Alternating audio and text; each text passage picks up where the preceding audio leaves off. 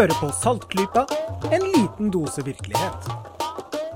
Velkommen til episode 141 av Saltklypa. I dag så skriver vi 29. mars 2017. Eh, Jeg heter Kristin, som alltid. Og i dag har jeg med meg Marit. Hallo, hallo. Hallo. Jeg har med meg Jørgen. Hei igjen, alle sammen. Og jeg har med meg Lisha. Hallo, hallo. Det blir eh, noen eh, interessante saker som vi har lest i det siste i dag. Det blir en sånn, sånn episode, tenkte vi. Eh, og jeg tenkte jeg skulle prøve å ikke få så mye hosteanfall i dag, så jeg liksom jeg roer den litt ned, men vi får se om jeg har noe smart å komme med. Um, det har i hvert fall dere, og det kan se ut som Marit har litt lyst til å ja, innlede denne episoden i dag. Tale for den gode sak. Ja, ta Ja. for den gode sak.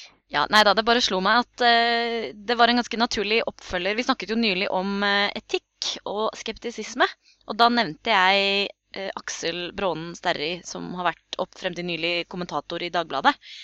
Og eh, i dag så hadde han en kommentar som jeg bare syntes var relevant i den tråden, da, som jeg tenkte jeg kunne nevne. Eh, de fleste har sikkert fått med seg at det pågår en sånn viral kampanje på Facebook eh, hvor man eh, får sånn eh, oppfordring om å trykke like, og da donerer personen én krone per like, og så hvis du kommenterer, så er det fem kroner per kommentar. Og det blir jo en del kronasjer da, når folk eh, blir med på sånne virale fenomener. Det er litt sånn gruppepress, og det er eh, litt sånn, nesten litt sånn gamification i det. ikke sant? Man blir liksom ivrig og engasjert i det. Og jeg leste at det det er blitt don donert 4,5 millioner kroner til eh, barnekreftsaken, Barnekreftforeningen. Og det er jo superbra. Det er ikke gærent. Nei, det er slett ikke gærent. Men da, vet du, så kommer det sånne surpomp-skeptikere og bare sier Ja. nei, nei, dette er ikke rasjonelt. Dette er ikke rasjonell bruk av penger. Eh, ja, han sier det jo litt mer nyansert og eh, godt oppbygget enn som så. Men eh, poenget hans er at eh, ressurser i verden er begrensa. Vi er nødt til å bruke ressursene våre på den mest fornuftige måten. Forskning viser at hvis du bidrar til én god sak, så er det sannsynlig at du bidrar litt mindre til en annen god sak, fordi man på en måte har en sånn pott inni hodet sitt som man eh, fordeler Mm. utover de sakene man støtter på. Eh, og da betyr det at eh, eh, disse pengene da, som man gir til jo et godt formål, altså forskning på kreft, eh, de går jo da til et formål som her i Norge rammer 150-200 barn i året, der vi har et ganske greit helsetilbud. Eh, Det finnes mennesker som jobber frivillig eh, for å gjøre livene til barn som får kreft, bedre. Eh, Det foregår allerede ganske mye forskning på det. Og at hvis du donerer penger til Barnekreft, Barnekreftforeningen, så vil nok noe av det gå til å f.eks. lønne lobbyarbeidere, som igjen prøver å få mer penger til forskning. Så det er liksom ikke sånn Det er ikke sånn livskvalitet i kroner målt. Så er kanskje ikke dette det mest effektive, mest rasjonelle du kan gjøre, da. Så han ramser heller opp da noen ting som er, har god rangering hos GiveWell. Som er en sånn eh, eh, som rang, Eller ja, rangering er litt feil, men de eh, kvalitetssikrer da, at eh, tiltak som du donerer til, er effektive. Så jeg bare synes det er litt interessant. da, liksom, dette har jo faktisk, Det å, å prøve å tenke rasjonelt om alle ting, det har jo faktisk konsekvenser for veldig mange felter. Kan jo være litt provoserende liksom, å sette på en måte eh, svake grupper opp mot hverandre, men faktum er jo at vi gjør jo det når vi prioriterer. Så ja, det var noe å tenke på. Jeg tror jeg har, eh, jeg har klikket én sånn like på én sånn status. Ja. Det har jeg. En sånn like. Ja, jeg har klikket et par, altså. Jeg har det. Vi skal eh, snakke litt om dyr i dag òg. Litt sånn forskjellige dyr. Eh, men eh, litt sånn døde dyr først. Ja. Fordi det er noen helt sinnssyke nyheter i dinosaurenes verden også. ja. Jeg tenkte å ta for meg de òg, jeg. Uh, Ja, de- de- eh, hvem er ikke glad i uh, kjempeskrekkøglene? Um, nei, dette er, en ganske, det er en ganske festlig og banebrytende studie som nå har kommet ut. da. Og den påstår at eh, alle dinosaurforskere har tatt feil i 130 år. god overskrift. God overskrift. Da blir Ja. alle litt sånn Hæ? Og så er det jo veldig mange da, som Klikketi-klikk. tenker sånn Ja. Hvorfor hvor- Åh, dumme forskere. Dumme forskere skjønner ingenting. Vi kan ikke stole på vitenskapen. Ja. Eh, men jo, på sett og vis så kan vi jo det, fordi det er jo nettopp det at den går videre, at den finner ut nye ting som gjør at den er pålitelig, da. At den blir bedre og bedre og bedre. Ja, Ellers så hadde den bare stoppet, som en vismann sa en gang. Ja. Science knows it doesn't know everything. Otherwise it would stop. Så utgangspunktet for eh, denne studien det er jo at eh, sånn i- kladistisk, altså i greninndeling, når man har liksom laget slektstre for dinosaurene, så har man laga en gruppe, eller du har laga to grupper, to store grupper, hvor man har sett primært på ett trekk, og det er hofta til dinosauren. Og da har du laga noe som heter fuglehofter, og noen som heter øglehofter. Så det er liksom en gruppe som er liksom ledet til fuglene, og så er det liksom alle de andre. Mm. Eh, og det som eh, denne forskeren eh, her sier, da eh, En av medforfatterne, for eksempel, som heter Paul Barrett ved Natural History Museum i London, han sier at her, er- her kommer det egentlig en helt ny ramme til å forstå dinosaurenes evolusjon og biologi. Ja. Og, og han som er hovedforsker her, det er Matthew Barron. Han er en doktorgradsstudent. Og han uh, hadde funnet ut at han hadde fått litt ekstra penger, så han kunne reise rundt og bare kartlegge masse anatomiske trekk på alle kjente fossiler som, uh, som han uh, hadde tilgang til. Og han hadde liksom lagt merke til at det er ganske mange anatomiske trekk som ikke passer helt inn i de to hovedgruppene. Det er mye som på en måte bryter med det. Og det som er litt gøy, da, er jo confirmation bias. ikke sant? Det kjente eh, psykologiske trekket som vi mennesker Mm. lider av. At vi bekrefter det vi allerede tror, og tenker at hvis det er et unntak, så er det bare et uh, bitte lite unntak, og jeg kan fortsette å tro på det jeg allerede tror. Eh, og han eh, doktorgradsstudenten han har da eh, reist rundt til dinosaursamlinger i hele verden og registrert anatomiske trekk. Eh, og laget en lang liste med masse trekk som de mente var viktige for å kunne se på slektskapet. Og da brukte det eh, Excel-arket liksom, til å, å bare sortere alt på nytt, bare basert på alle de trekkene, istedenfor å bare ta utgangspunkt i hoftene. Og da får de et Mhm. nytt stamtre. Eh, og det, det betyr jo at liksom akkurat den tingen med hofter, det er ikke så viktig. Det er ganske mange andre ting som er mye, mye viktigere. da, sånn Detaljer i kraniet og føttene og sånne ting. Og det, som, det sitatet som jeg hang meg veldig opp i i en artikkel hos forskning.no, det er at han eh, Barron da, sier det er faktisk for, forbløffende hvor ofte folk har påpekt disse trekkene i litteraturen. Forfatterne skriver at det må være tilfeldig, eller noe vi ikke helt forstår, sier Barron. Jeg tror hele ideen om de to hovedgruppene har vært så inngrodd at det har vært vanskelig å komme vekk fra. Kanskje har vi også vært litt for makelig anlagt. Og det er bare Altså, det som egentlig har skjedd, er jo at de har flytta en hel stor gruppe over fra øgle, øglehoftene til da fuglehoftene. Alle rovdinosaurene har blitt flyttet over til da den andre gruppa. Og det er ganske drastisk, da. Det er jo en stor gruppe. Teropoda har blitt flyttet over fra Saurischia til Ornithischia, bare for å si de fjongenavnene. Eh, men det er liksom så kult da, at liksom, dette er jo ting som folk har lagt merke til, og så er det bare ingen som har gjort noe med det. Det er ingen som har tatt tak i det. det for alle har bare vært så fornøyde og trygge på sin egen eh, Eller på den klassifiseringen som opprinnelig ble gjort for kjempelenge siden. Og ikke turt å Løser dette det problemet man har hatt en stund med at det blant dinosaurer ser ut til å ha vært eh, oppstått fjær to ganger? Ja, det gjør det faktisk. Så det er jo For det er også en av de tingene som, man, som det har vært spørsmålstegn ved. Hvordan kan dette ha skjedd? nettopp. Så det er jo tydelig at det har vært problemer med den eh, modellen, så det egentlig har bygget opp til at noe eh, måtte se nærmere på dette her eh, etter hvert uansett. Nettopp. For det er jo en viss eh, forskjell i trekk og hvor vanskelig det er å endre trekk. ikke sant? Og det å utvikle et helt nytt trekk, som fjær, som attpåtil er veldig komplekst trekk. Du trenger masse forskjellige liksom, proteinsammensetninger og måter å lage forskjellige strukturer på. Det, at det skulle oppstått to ganger, det er ganske pussig. Ehm, så ja, dette løser faktisk det. For da skjer begge, eller da er på en måte begge de to gruppene som har fjær, inne i samme gruppe. Veldig kult. Smart. Veldig kult.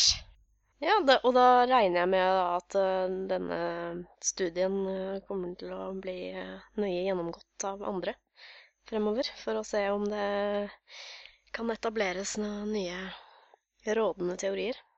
Ja, det får vi håpe det blir noe Litt bråk, det er gøy. Det er litt bråk. Ja, har du plukket opp om det har blitt noe bråk ennå, eller om folk sier 'oi, ja, dette var faktisk lovende'? Er det reaksjon over hele fjøla, eller har det vært motreaksjoner? Eh, Jeg har ikke sett noen motreaksjoner, men jeg har ikke lett så veldig heller, da. Fordi jeg syns det var så gøy, så det bekreftet jo bare noe som jeg syns var fint. Og så har jeg ikke lett noe etter motstridende Det informasjon. var det. Ha-ha. Litt bekreftelsesbias der, altså. La oss uh, håpe de som faktisk forsker på dinosaurer, uh, er litt nøyere, da. Ja. Og så Det er sånn det skal gjøres. Paperet ble jo også publisert i Nature, og de har jo ikke en sånn eh, superrask eh, Altså det er ikke kjemperaskt for folk å få svart der, liksom. Det må jo få Nei. gravd litt og sånn. Så det tar sikkert litt tid før debatten tar seg ordentlig Mm. til. Ja, nei, det er eh, Dinosaurene, den venter nok på forskerne, for å si det sånn. De har vært utrydda noen år, har jeg hørt, så da er det greit. Men fra dinosaurer til uh, dyr som lever nå. Eh, Lisha, du hadde noen par nyheter til oss. Ja, Uh, det har kommet en uh, jeg synes i hvert fall veldig interessant nyhet. Nå temmelig nylig, det var vel egentlig bare det kom vel ut på nett bare noen få dager siden, som handler om intelligens hos primater. Eller når jeg sier intelligens, jeg mener selvfølgelig hjernestørrelse. Eh, For det er vanskelig å måle intelligensen hos dyr som ikke har språk. Men eh, man tar jo gjerne for gitt at jo større hjerne i forhold til kroppen, jo mer intelligent er man da. Og primater er jo veldig smarte. Og det har man trodd at det er noe som har oppstått, det har utviklet seg, fordi vi lever veldig sosiale liv. Vi lever i grupper. Og vi har komplekse relasjoner eh, med mange andre individer. Eh, og det er faktisk så var vel her, Det var noe om dette på nyhetene for bare noen få dager siden, og der var vel uh, din uh, bror og mer eller mindre dobbeltgjenger, Jørgen, han var vel faktisk på Dagsrevyen og snakket om nettopp dette. At okay. sosiale dyr er mer intelligente. Ja, det har han snakket om mange ganger, så det tviler jeg ikke øye- Ja. et øyeblikk på at han har sagt det igjen. Og det, det stemmer nok sikkert sånn generelt, men nå er det forsket mer på primater, og det er en kjempestudie som er mye større enn noe som er gjort tidligere. Man har sett på 140 arter, og der finner man veldig store forskjeller. Eh, Opptil 25 eh, blant forskjellige arter. F.eks. Eh, på den ene siden sjimpanser, og på den andre siden eh, kolobusaper. Eh, som begge lever like kompliserte sosiale liv. Eh, så disse forskerne de trodde da ikke på at det var så enkelt som at eh, du, lever du i flokk og har relasjoner i alle mulige retninger, så får du stor hjerne. Og de har kommet frem til at sannsynligvis så er det kostholdet som skaper den store hjernen. Eh, ikke sånn som man tradisjonelt har tenkt på det at spiser du kjøtt, så får du proteiner til å bygge stor hjerne. Selv om det har sikkert tidlig i vår utvikling, så har det helt sikkert vært essensielt. Men det man skiller mellom nå, er ja, hva det blir på norsk, det tør jeg ikke si, men frugivore og folivore. Kanskje det er ord på norsk, jeg vet ikke. Frugivor Eh, er frukt, frukt, altså- fruktetere. Ja, Om man spiser frukt, eller om man spiser blader. For de som er kjempesosiale og har komplekse sosiale liv, men spiser blader, de har mye mindre hjerner enn de som tilsvarende lever i slike flokker, men spiser frukt. For det å leve av frukt, det er mye vanskeligere. Hvis du, dette er jo arter som er tropiske, da. Så hvis du lever av blader, så er det jo blader overalt hele tiden. De har jo ikke noen årstid hvor bladene forsvinner, og det er Du bor i en skog, ikke sant. Det er Mhm. blader. Mens hvis du Det er lever av frukt Det er bare å spise Det det, er- som er grønt. Ja, det er, man må vel lære seg da at det er kanskje noen blader som ikke er like sunne som andre, eh, vil jeg tro. Men frukt, de Det er ikke frukt på alle trær. Og det er ikke frukt til enhver tid. Og de trærne som har frukt, de har ikke nødvendigvis frukt samtidig. Så da må du vite veldig mye mer. Og det samme gjelder for arter som delvis spiser insekter. De også får disse store hjernene. Og det skyldes nok at insektene, selv om de sånn finnes også overalt, som med løv, så kan jo de noe som løven ikke kan. De kan gå sin vei. Eh, løvet liksom, Ser du det fra andre siden av dalen, når du kommer frem, så er det sannsynligvis der fortsatt. Men insektene de stikker jo gjerne av. Eh, kan til og med gjøre forsøk på å unngå å bli spist. Så det er ikke nødvendigvis innholdet, selv om en frukt er noe mer næringsrik også enn blader. Uh, men det er dette det er så krevende å finne den maten og ha kontroll på hvor det til enhver tid kan være mat. Uh, jeg vet ikke om dere har lest noe av hun um, Jen Goodall, men hun observerte jo dette at sjimpanseflokken eh, hennes, de hadde stålkontroll på hva som var modent, hvor og når. Mm. Og veldig sånn at ja, nå måtte de Plutselig så var det bare et område hvor det var noen trær og slik og sånn art. Mistet de totalt interessen for på et annet tidspunkt. Og da var det en annen type trær et annet sted. Og da var det for frukten var moden der. ikke sant? Og dette her, da, eh, har denne store undersøkelsen på sånn 140 arter eh, kom frem til at eh, det er nok heller utfordringene ved kostholdet som gjør deg smart. Huh. Yes. Det minner meg om det uttrykket som eh, Daniel Dennett har brukt. Jeg klarer ikke å huske på helt uh, hva det uttrykket er, men det er noe sånn derre inverse logic of evolution. Det er ikke helt det. Det er sånn upside down, et eller annet sånt. Uh, uh, det er et uttrykk som ja, handler om at noe er vrengt. Eh, Men han sier jo nettopp det. Han har en eh, populær eh, TED-talk. Eh, Han har jo gjort ganske mye annet enn en det, men det er nå akkurat her han sier det så ekstremt tydelig, og det er at babyer Vi tenker jo liksom at babyer er søte fordi det er nyttig for dem. Men egentlig så er saken at vi syns at babyer er søte fordi det er nyttig for dem. Ikke sant? Det er på en måte våre hjerner som er endra. Det er ikke utseendet. Eh, vi, vi er på en måte evolvert til å synes at de er søte. Nesten mer enn de er evolvert til å være søte. Ikke sant? Trekkene ja, som de har. jo Det ser man jo, Marit, ved at andre dyr som har typiske menneskebabytrekk, synes vi er søtere enn dyr som ikke har det, f.eks. store øyne. Mm. Ja, slik at Vi har jo nå ødelagt eh, chihuahuaen ved å avle frem øyne som er så store at hvis de faller og slår ansiktet litt feil, så kan øyet rett og slett sprette ut Ja, ja. fordi det er så utstående. Fordi vi syns det er så søtt da, at de har de her eh, gigantiske øynene. Uh, og det Jeg er mener jo man syns det er helt jævlig, sånn som meg. Ja. Ja. Meningen er jo delte, men som generelt for vår art, da, så er det som Marit sier, at vi syns eh, de er søte. Og andre dyr som har de trekkene, er søte. ikke sant? Selunger har store øyne, de er søte. Rotter har små, plirende øyne, de er stygge. Ja. Det er jo litt morsomt her også at det er på en måte, det er på en måte behovet til arten som gjør at det er noe som endrer seg inni deres hode. Og det er liksom behovet Ja, hva som er behovet, er liksom motsatt av hvordan man ellers ville tenkt, da. Eh, ja, det er ikke liksom det at jeg spiser frukt som gjør meg smart, det er det at jeg spiser frukt som gjør at jeg trenger å være smart. Eller så slår det meg at uh, dette med hvor komplisert det er å snakke mat, at det bidrar til uh, intelligens. Det, er jo ikke, det ekskluderer jo ikke det at uh, komplekse sosiale livet også påvirker. Så det Ja, er sikkert det en vekselvirkning ja, også. i bildet her. Ja, selvfølgelig. Det gjør alle primater er jo smartere enn eh, alle reptiler, ikke sant? Uh, mens dette er jo da innenfor gruppen primater. Mm. For som sagt 25 størrelsesforskjell i uh, i hjernestørrelse. Det er ganske mye. Det som ofte henger sammen med sosialiteten vår, er jo eh, frontallappen. Hvor stor frontallappen er, avgjør hvor sosialt smart du er.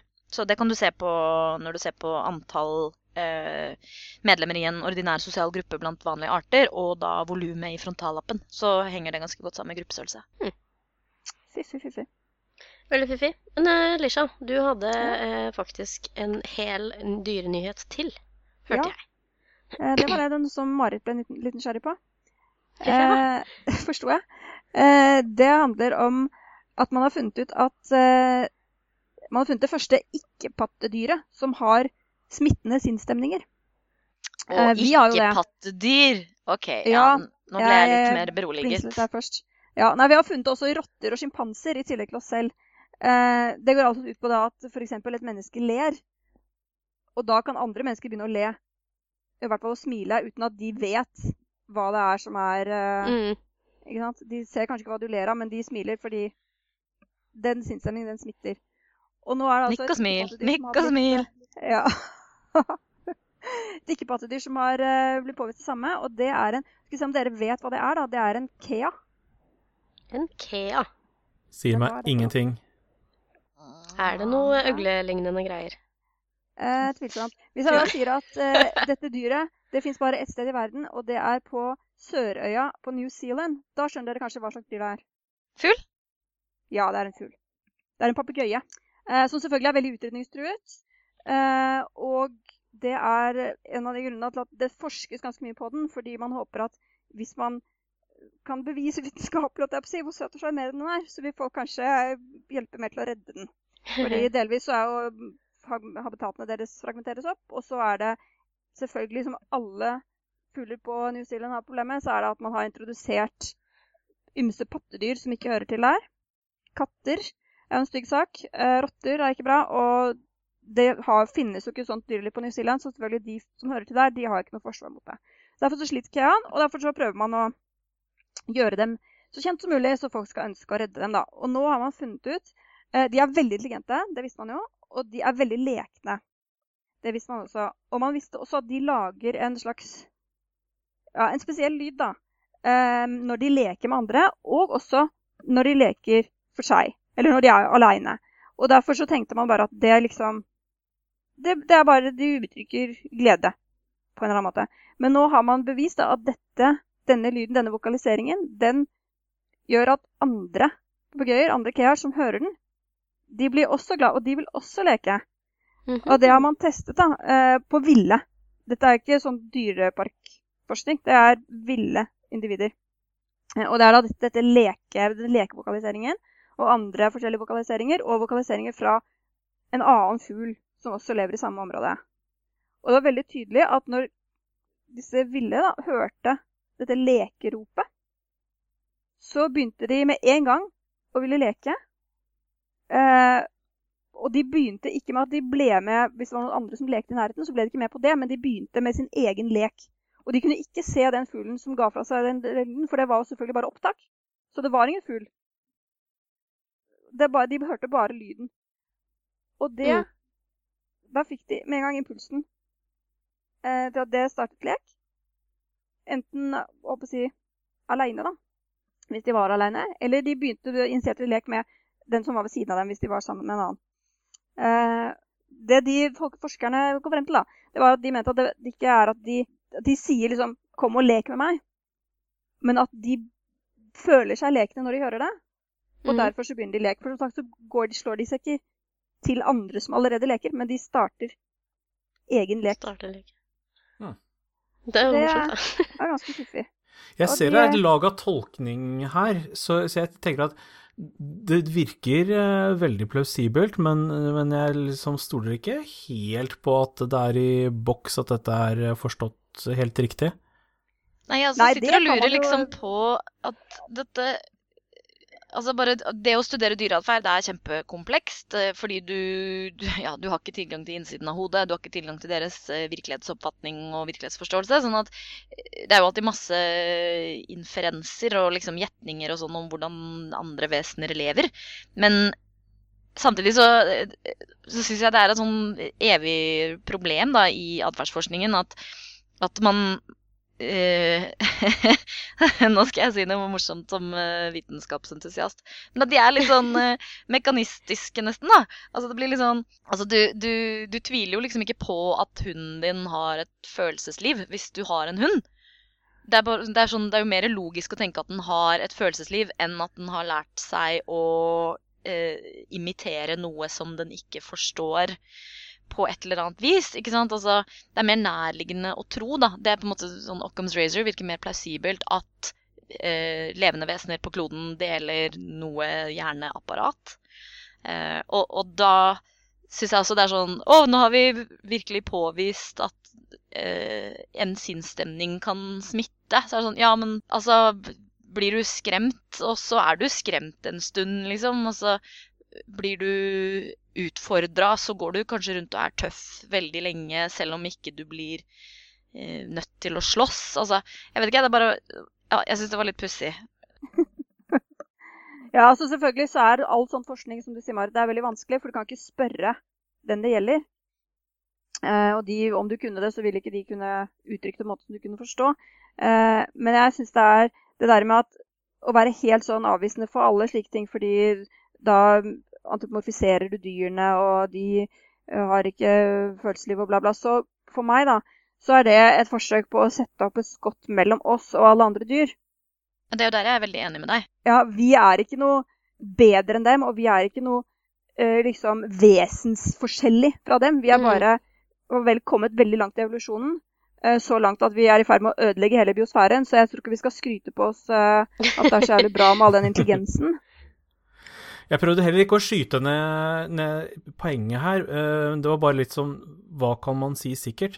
Jeg har selv sett uh, ender som har, etter min oppfatning, lekt og hatt det moro sammen. Uh, og jeg, jeg, tviler liksom ikke på at det forekommer, og at de har noe sosialt på den måten.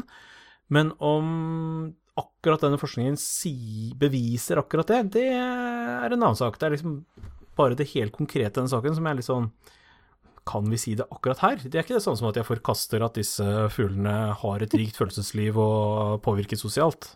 Eh, hvis dette er noe som faktisk er tilfellet, så vil jeg tro at det er nettopp denne type fugler man vil kunne finne hos, fordi papegøyer er blant de aller, aller mest eh, intelligente fugleartene som fins.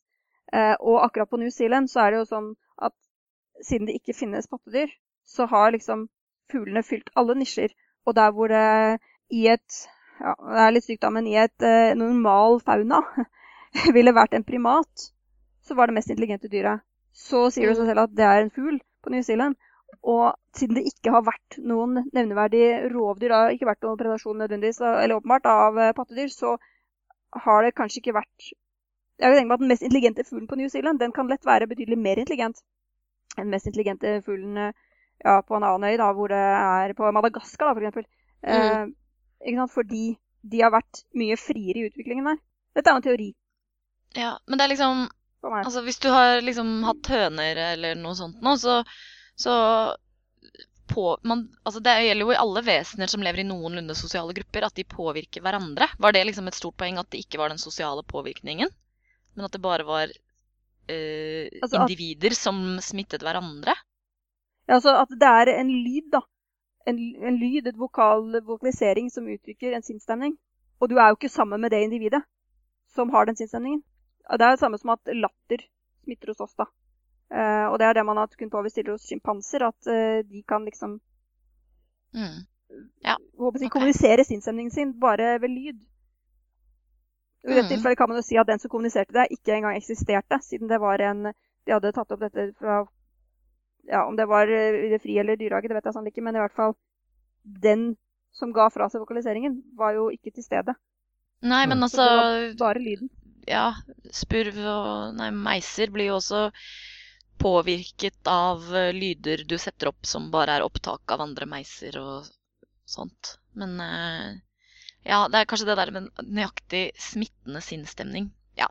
ja. Er interessant ja, i hvert fall. Så var det, det jo Mye å tenke på. tror jeg nok hovedsakelig Eh, med positiv sinnsstemning, da, at uh, sammenligne noe med liksom, at menneskelig latter var kanskje det de tok utgangspunkt der. Mm. Jeg har ikke satt meg så nøye inn i det. Jeg leser dette på National Geographic sine uh, spennende sider, og jeg syns at det er uh, de dyrene de er, fuglene, de er veldig fine. og det er Ja, det, jeg støtter det der som de driver med, at de ønsker å vite så mye som mulig og kommunisere ut så mye som mulig for å forhåpentligvis inspirere folk til å bidra til å redde en art som dessverre sliter noe veldig. Det er vel ikke mer enn 10 000 igjen av disse her. Det er i hvert fall ikke en nyhet som jeg hadde kommet over i min daglige nyhetsstrøm, så det er veldig bra å få høre. Nei, for det bor ikke Kear ute i resten av universet. Det gjør ikke det heller, vet du. Finnes ikke i rommet. Når det gjelder å lære opp i kritisk tenkning og sånn, så har Jørgen han har kommet over en artikkel fra sitt eget eh, ja, sitt eget fagområde. Og da tenkte jeg bare du kan fortelle litt om det, og fortelle oss hva det dreier seg om. Jo, eh, jeg snappet opp en eh, nyhet fra en eh, arkeologiside på Facebook om å lære opp i kritisk tenkning gjennom historie og arkeologi. Mm. Fordi jeg har jo kjent litt på at dette med kritisk tenkning og, og vitenskapelighet og sånn, det hører liksom til naturvitenskapene i stor grad, om streng logikk og metodebruk og alt mulig sånt noe, mens når man er over på de fagene jeg kan godt, da, som er de humanistiske, så er det jo primært tolkning, det er ikke hard vitenskap og uh, Det er litt vanskelig å liksom komme med det store og si at å, dette er godt eksempel på kritisk tenkning, osv. Men her har vi altså noen som har gjort en ordentlig seriøs undersøkelse for å se på hva skal til for å få studenter til å endre sitt syn på pseudovitenskapelige fenomener. Mm. Eh, og testet da med kontrollgruppe De har hatt en gruppe eh, som har gått på et arkeologikurs, eh, og en gruppe som har gått på et eh, psykologikurs. Så har de målt eh, deres holdninger til diverse pseudovitenskapelige og gråsonefenomener eh, før dette kurset og etter. Og psykologikurset var altså fokusert på eh, metode og liksom, hvordan ikke lure seg selv. Eh, veldig sånn vitenskapelig innretta, sånn som det er promoterer mye innenfor skeptisisme og sånn. Eh, mens da de som skulle på dette arkeologikurset, de ble kursa i anvendt skeptisisme i faget. Så de har lært om uh, kjente myter og hvordan man kommer til bunns i dem og, og så videre. Litt kildekritikk og sånn, kanskje? Ja, det er jo kildekritikk i begge kursene, egentlig. Men du kan kanskje si at, at det, det psykologikurset var mer om på et teoretisk nivå, mens det kanskje var mer praktisk og direkte retta på arkeologikurset. Skjønner. Uansett så er resultatet at eh, mens det knapt var noe særlig endring i eh, holdninger til diverse myter og sånt noe hos de som gikk på psykologikurset, så var det en vesentlig endring hos de som tok arkeologikurset. Um, yes. og de rapporterte også i den delen av eh, spørsmålene som gikk på hvordan du føler at dette har påvirket deg ellers utenfor faget og sånn, så var det mange kommentarer på at eh, det har lært dem å tenke kritisk på andre områder, og de trakk fram eh, kjente ting som uh, Occam's Racer og andre sånne huskeregler som de har brukt ellers eh, på andre områder i livet sitt etterpå. Så det ser ut ut fra denne undersøkelsen så ser det ut til å være stor suksess for å lære bort kritisk tenkning gjennom arkeologifaget. Woho! Så Kjenner kult. du deg igjen da, Jørgen? Ja, altså, da, her kom vi inn på et ord som vi har eh, nevnt opptil flere ganger eh, i dag, nemlig eh, bekreftelsesbias. Mm. Så jeg skal være litt forsiktig her, fordi um, punkt én, jeg syns dette var veldig hyggelig at mitt eget fag eh, kom til disse konklusjonene. Så da kan jeg virkelig eh, spre at arkeologi er faget du skal ta hvis du skal bli en kritisk tenker. Eh, og når det er reaksjonen, så må jeg selvfølgelig tenke ekstra kritisk til akkurat dette her, så jeg ikke bare går i bekreftelsesbiasfellen. Meta. Ja. Altså, jeg har sporet opp øh, den faktiske undersøkelsen og lest meg litt opp på den, og det er et og annet å si om den. Uh, men uh, for det første, det er en seriøs undersøkelse av seriøse folk, og de, har, de er selvkritiske også, og har ramsa opp metodesvakheter selv. Så Første poeng er at det er en relativt liten undersøkelse. Det er drøyt 100 personer som har vært med. Og det er jo forskjeller på disse kursene. altså Det arkeologikurset var mer direkte retta mot det å faktisk undersøke konkrete saker og, som er relevante for disse studentene. De har jo selv meldt seg på disse kursene, sånn at de har en egen interesse for det. Og det aner meg at de som tok psykologikurset, kanskje mer har tatt det som en sånn 'dette ser fint ut på faglista mi', det er kanskje ikke noe jeg er så innmari interessert i. De har også tatt opp problemet med at det kan rett og slett være mer inspirerende forelesere på arkeologikurset osv. Så, videre. så det, det er en del variabler her, men eh, resultatet er ganske påfallende.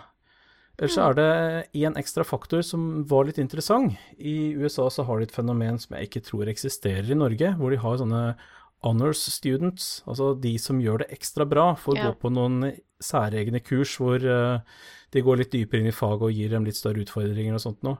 Og det var inne i bildet her også. Så egentlig hadde jeg tenkt å slå sammen eh, honors-faget eh, med det vanlige faget på arkeologi, men, men det ble såpass store forskjeller i resultatene mellom vanlige arkeologistudenter og honors-studentene at de eh, valgte å skille ut fordi det er ganske påfallende.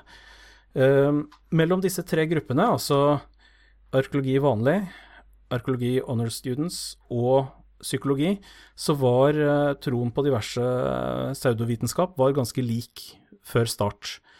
Uh, mens det knapt var noen endring hos de som uh, tok psykologi, så var det hos vanlige arkeologistudenter så var det en stor endring. Hos honors-studentene var det en veldig stor endring. Ja. Uh, dramatisk. Så okay.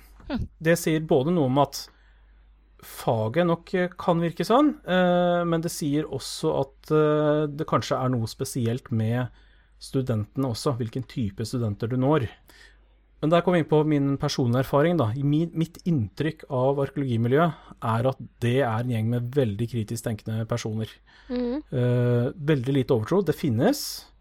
og litt sånn småting i hverdagen som folk tror på, litt rare dietter og sånn, det, det finner man jo overalt. Men generelt veldig jordnære, rasjonelle mennesker i arkeologifaget. Det er min personlige erfaring. Og så spørs det jo om eh, det primært er min bekreftelsesbias, men eh, det stemmer har godt jo overens, i hvert fall.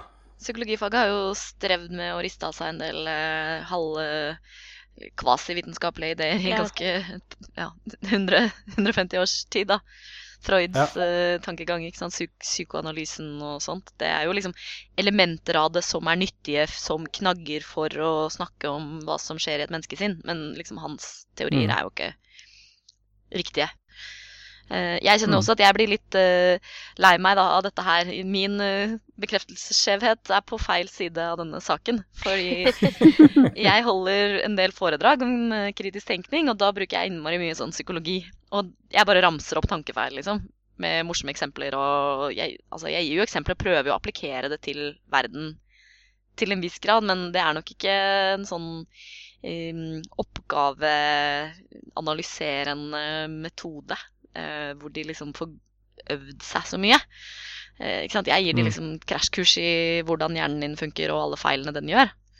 Så Mm. her må jeg kanskje revidere eh, hele opplegget mitt. da. Begynne med, begynne med arkeologi isteden.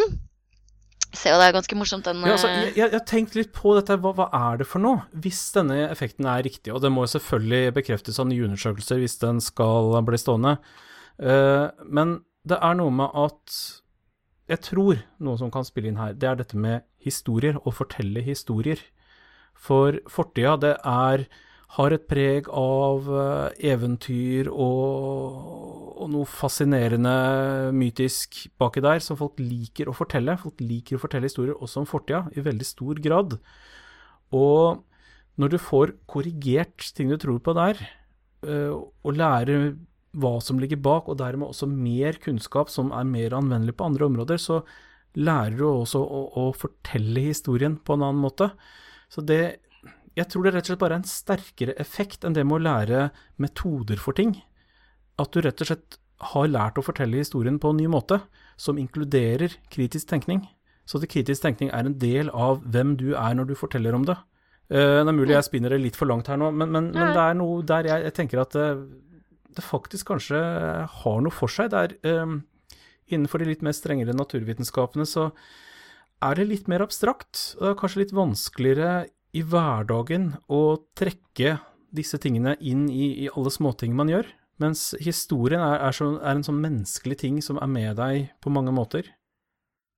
Jeg kom på Mm. en uh, liten ting, da, eh, eh, som jeg kanskje ikke helt fikk med meg i førsten, Jørgen. Uh, disse gruppene, var de randomisert plukket ut fra flere forskjellige institusjoner? Det sånn? Nei, dette er en av eh, svakhetene ved Ja. studien. Det er at dette her er helt vanlige studiekurs som ja. studentene selv har meldt seg på. Og så har de blitt spurt om å bli med på eh, en spørreundersøkelse i forkant og etterkant. Så det vil si at det er en selvvalgt gruppe mennesker til Ja. de ulike kursene. Jeg tenker kanskje at den ene en av gruppene da var spesielt sammensveisa, f.eks., og så snakker de om, kanskje om de samme tingene på fritiden, og så tror de eller ikke tror de på Og en Det, de det er også oppe til diskusjon i eh, den avhandlinga, og jeg uh, syns vel kanskje ikke at de besvarte det selv så godt. De sier Nei, at de riktig. tror ikke det har vært noen stor effekt, men de begrunner det ikke på noen god måte. Uh, nå vet jeg ikke jeg hvordan det er på det universitetet hvor dette har foregått, men Mm. på de studiene jeg har tatt, så har det vært såpass få arkeologistudenter at det med nødvendighet er en ganske sammensveisa gjeng som Mm. sitter i lunsjpausen og prater sammen, både fag og alt mulig annet. Så, så det kan absolutt være en faktor. Men det som er litt uh, En ting jeg ikke nevnte, som jeg syns er veldig spennende her, er at de spørsmålene de fikk før og etter, noen av dem gjaldt konkret ting som de skulle gjennom på kurset. Så det er ikke noe rart at de har endret mening om det i ettertid. Men en god del av spørsmålene var ikke det, det var helt andre myter. Og der har også troen på dem eh, blitt redusert dramatisk. Ikke like mye som for eh, de tingene som konkret ble tatt opp på kurset, men, men like fullt så har det hatt en innvirkning utover eh, de konkrete sakene som eh, ble diskutert. Jeg har en tanke til om det her, da, og det er at dette kan jo også handle om eh, pedagogikk. Ehm, rett og slett at eh, historikerne er litt flinkere til å applikere poengene sine på relevant stoff i større grad enn det psykologene er, fordi at psykologene bare forteller om noe som har blitt gjort, men du får på en måte ikke øve deg på å tenke på den samme måten. Eh, jeg, bare, jeg har fulgt med litt på, på litt sånn pedagogikk i høyere utdanning eh, og sånn, og der er det mye som tyder på det. Altså, det er liksom eh, studieprogrammer som har blitt pussa opp med mer interaksjon, ikke sant? Hvor, hvor, man kanskje har en forelesning først, og så har man mer seminar som knytter teorien opp til noe som er helt konkret ute i den virkelige verden. Og du Mm. ser jo Mm. klar læringseffekt av det, liksom. Det er jo det, er jo det å, å knytte det til det folk erfarer, som gjør at man sitter igjen med det. Og det kan jo hende at, at det er det som er den relevante variabelen her, ikke at det er fagområdet. Ja, det er en ting til. Uh, og det er at eh, de som har gjennomført denne studien, er jo arkeologer som er opptatt av eh, skeptisisme og kritisk tenkning, og som kjører disse kursene om uh, pseudoarkeologi og pseudohistorie. Sånn at de har jo Jeg vil tro at de egentlig brenner såpass mye for det temaet at de forelesningene nok blir ekstra spennende av den grunn, da. Mhm. Så det, det er flere faktorer som spiller inn her. Men, men eh, fortsatt så Nei, jeg, jeg vil se flere sånne undersøkelser, men det lover bra i hvert fall. Så igjen så er det da en studie som eh, blir spennende når den replikeres Ja. som seg hør og bør. Skal ikke være lett. Yes. Mm. Nei. Nei. Em, ja, uh, ja, som en forlengelse av det, da, uh, så tenker jeg jo Det er jo veldig kult at det forskes på hva som funker, hva som gjør at noe setter seg i hjernen til folk. Uh, og i den forbindelse så kan jeg jo nevne at Forskningsrådet, etter mange års kjempe, eller kamp, heter det, har omsider laget et forskningsprogram som skal handle om forskning på forskningskommunikasjon. Oi, det var mange lag. Ja. Nei, altså det er jo bare at man skal forske på forskningskommunikasjon. Ja. Forske på formidling. Eh, og dette her er noe som eh, kommunikasjonsavdelingen i Forskningsrådet har jobba en del med. Eh, jeg og noen andre, vi som har drevet med MN-kom-emnet, vi har eh, vært ivrige og heia veldig på dette her. Vi har snakka litt med de tidligere om det. Og nå Ja, er det det, er altså skjedd da eh, Man må kanskje understreke at det er et eh, kurs på Universitetet i Oslo. Ja, der var jeg litt rask. Altså. MNKOM er et uh, universitetsemne som uh, vi laga. Vi noen formidlingsentusiaster uh, satte oss ned og skrev en fagplan gikk til universitetet med det og sa her, her, ta dette her. Og så gjorde de det, og det funker veldig bra. Det har nå gått sitt femte år. Uh, den -huh. fagkoden er MNKOM 3000, altså matt-natt kommunikasjon. Og, og tittelen på emnet er formidling og vitenskapsjournalistikk. Det krasjkurset som man i forskjellige ting. Eh, Så det var min lille plugg for mitt hjertebarn. Men eh, i hvert fall, eh, Forskningsrådet har jo da Ja, de har vært en god støttespiller i det her òg, for de vil gjerne ha et miljø med mennesker som bryr seg om formidling på en ordentlig måte. Og, og vi har vi jobber jo fortsatt da med å prøve å få etablert et fagmiljø for forskning på formidling. Helst ved UiO, fordi det er vårt hjemsted, men gjerne andre steder også. Eh, UiO leflet jo med dette her. De prøvde jo å sette opp et formidlingsprofessorat, men de hadde ikke bestemt seg for hva som var eh, målet for den stillingen. Og så fikk de inn veldig veldig ulike søkere fra helt forskjellige fagmiljøer. De fikk inn liksom Mm. sikkert eh, ja, noen som drev med retorikk, og noen som drev med naturfag, og noen som drev med språk, og liksom litt og sånn. Og da avlyste de hele prosjektet, heller enn å eh, prøve å rydde i sine egne forventninger. Så det var veldig leit, for der var det jo en kjerne til et eget forskningsmiljø på formidling. ikke sant? Hvis du har en professor i det, så kan du få den tilknytta prosjekter og doktorgradsstipendiater, masterstudenter, sånne ting. Eh, men nå er det i alle fall satt av syv millioner kroner til eh, prosjekter. Eh, fristen er allerede 24. mai, så jeg tenker jo litt sånn crowd eh, sourcing her. Altså hvis noen der ute vet om noen som er interessert i å forske på formidling, eller noe som er bare et fnugg i nærheten av det, så Mm. syns jeg dere skal tipse de om eh, den utlysningen fra Forskningsrådet. Det er et helt ordinært sånn eh, Ja, en ordinær eh, middelutlysning fra Forskningsrådet.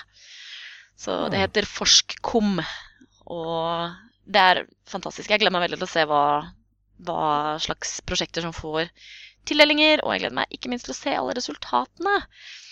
Hva Mhm. er det som funker? Mhm. Hva er det som gjør at uh, formidling er nyttig? Men Eh, kommer det til eh, i fremtiden, da, sånn langt i fremtiden, kommer det til, da til å bli utlyst eh, en st stillinger som forsker på forskning på forskning kommunikasjon? Tror du? Eh, Nei, det er vel mer Det er kanskje verre Altså, det er jo, det er jo få som forsker Altså, det er bare vitenskapssosiologer som forsker på forskning. Ja, nå måtte jeg stoppe meg sjøl her. Ehm, så det, det spørs vel om det blir så innmari mye det. Men det er jo mer de som eh, skal formidle forskning om forskningskommunikasjon.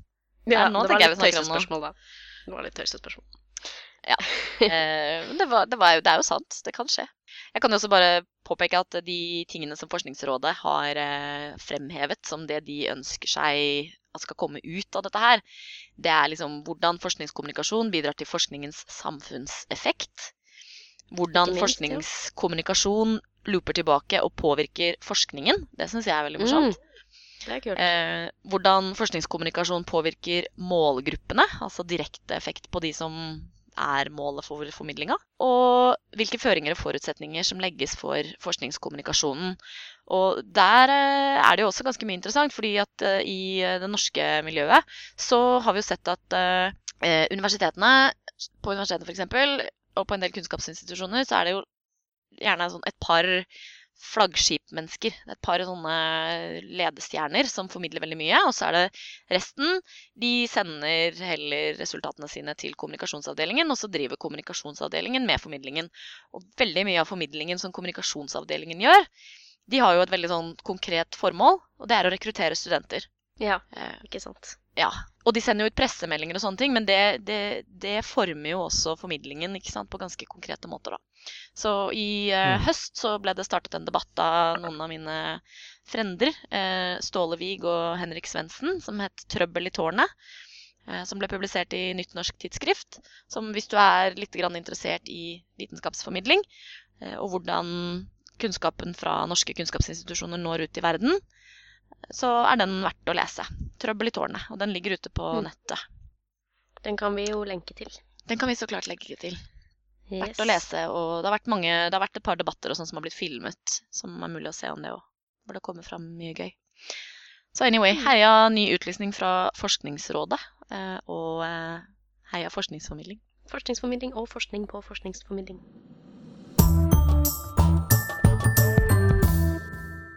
Veldig bra, folkens. Er det noen som har noen anbefalinger? Det var et veldig ledende spørsmål. Jeg er ganske klar over at det er noen som har noen anbefalinger, så kjør på. Ja, det er klart at det finnes anbefalinger. Eh, en av de folka som jeg er skikkelig fan av, det er eh, statistiker Jo Røislien. Eh, statistiker og TV-fjes. Han eh, har jo vært programleder for Siffer. Helt fantastisk serie. Og han lagde også en greie på VGTV som het 'Jakten på verdens største tall'. Den må dere se, altså. Ja, veldig, veldig kul. Ja. Det er veldig bra lav. Det er litt sånn, litt sånn svevende lav. Ja, det er liksom de Det er noen som heter Bulldozer Productions da, som lager det, og de, de sier at uh, når de tenker på hvordan de skal formidle vitenskap, så tenker de ikke at liksom konkurransen er Dag O. Hesten ved Universitetet i Oslo. De tenker at konkurransen er Lady Gaga. Ikke sant? Ja, Det er det man skal konkurrere med når man skal formidle noe som er interessant. Så da må man legge seg på det nivået. Så jeg skal ikke si at han kler seg ut som Lady Gaga, eller noe da, men det er på en måte det er litt mer sånn musikkvideo eh, estetikk og tankegang bak hvordan de produserer ting, enn Mm. en liksom sånn derre OK, vi har en lab, la oss filme på laben. Ja. Mm. Eh, så det var en liten plugg. Det var jo bare om Jo igjen, men eh, han og Bulldozer Productions kommer nå med en ny serie som heter Kampen om livet. Som skal begynne søndag 9. april. Um, jeg har helt glemt å se på det. Det er jo på NRK. Eh, og den skal handle om biologi. Og så Jo Røiselien skal eh, gi ut eh, nå en ny serie. Åtte deler. Kommer da episode, episode 1 søndag 9. april klokken 21.15. Eh, og ingressen, liksom, eller på første episoden, er kan vi klone oss selv, kurere kreft, utrydde sult eller bli, bli friske av bakterier? Dette er noen av de store spørsmålene biostatistiker og programleder Jo Røiselien utforsker i den nye populærvitenskapelige serien. Det er bare superspennende. Bra. Der det bare renner ut med god TV-formidling. Mm. Kan vi kurere kreft? Når kommer den neste pesten? Er vi alene i universet? Kan vi leve evig? Masse gøy. Og jeg veit at uh, det blir underholdende. Jeg har hørt uh, noen av tankene de har hatt om hvordan de skal gjøre dette her, og det blir definitivt underholdende. Så det er en sterk, sterk anbefaling. Kult. Mere anbefalinger? Jeg har mer! Jeg har en anbefaling til. Eh, og det er at eh, Humanistisk Ungdom, det er da ungdomsorganisasjonen til Human-Etisk Forbund, de holder på å lansere en kampanje om kritisk tenkning. Oi. Så de skal bl.a. dele ut eh, priser til folk som eh, har spredd feilaktige påstander i virkeligheten. Og skal dele ut eh, gullforgylte tenkeverktøy. Tenkekassa. Verktøykasse med tenkeverktøy. Så jeg vil bare anbefale til å kanskje ta en titt på nettsiden deres, og eh, følge de på Facebook, så blir det mye morsommere oppdateringer der fremover. Nei, men Så bra. Da har eh, lytterne våre forhåpentligvis proppet eh, hodene sine fulle av kunnskap og fått litt å tenke på. Forhåpentligvis tenk, tenke kritisk. Det var litt av hovedtemaet denne episoden. Så jeg tenker bare vi eh, setter streken der, og så sier vi at vi ses om et par uker. Kanskje. da. gjør. I hvert fall noen av oss. Ja.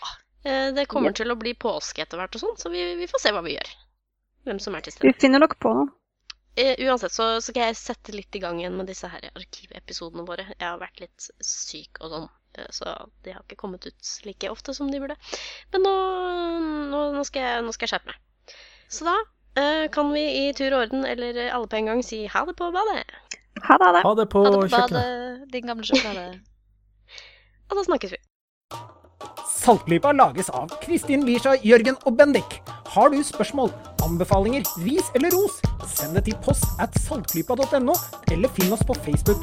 Lenker til alt vi har snakket om i episoden finner du på saltklypa.no, hvor du også kan abonnere på podkasten for å få hver episode levert på døra helt gratis. Takk til Smart 9000 fra Evig poesi som har laget kjenningsmelodien.